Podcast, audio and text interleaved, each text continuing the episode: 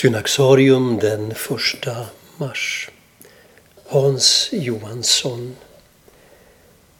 Ett av Hans Johanssons viktigaste bidrag till svensk kristenhet var initiativet till utgivningen av en ny tidebönsbok.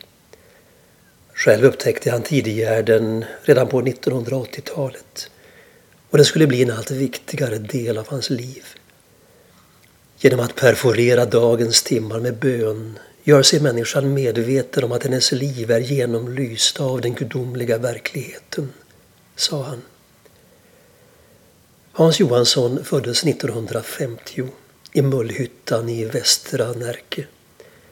Hans far drev snickerifabrik och båda föräldrarna var engagerade i baptistförsamlingen på orten.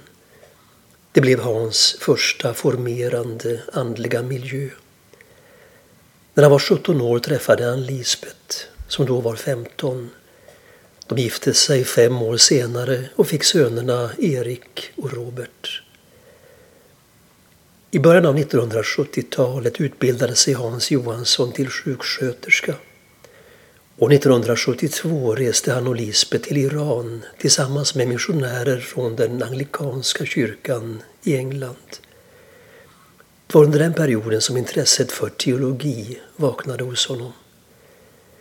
I mötet med den karismatiska förnyelsen i den anglikanska kyrkan upplevde han för första gången gudstjänster som präglades av öppenhet för Andens gåvor och samtidigt vilade i den gamla liturgin. Ett ideal som med tiden skulle bli allt viktigare för honom. Efter åren i Iran började Hans Johansson studera på Örebro Missionsskola och avslutade utbildningen genom att ta en teologisk examen vid Uppsala universitet.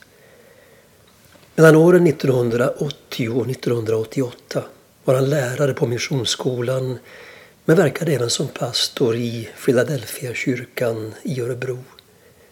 Tillsammans med kollegan Lennart Törn införde han regelbundna nattvardsgudstjänster som samlade många.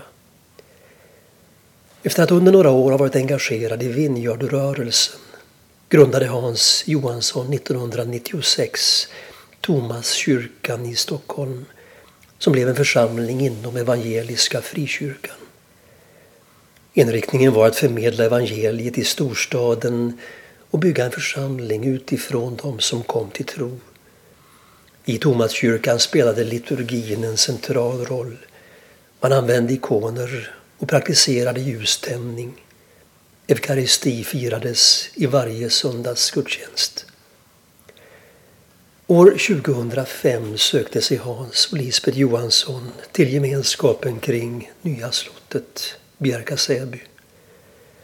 Hans tog ett allt större ansvar för gudstjänstlivet i Bjärka-Säby och spelade även en viktig roll vid framväxten av ekumeniska kommuniteten jag fick aldrig själv uppleva dess konstituerande.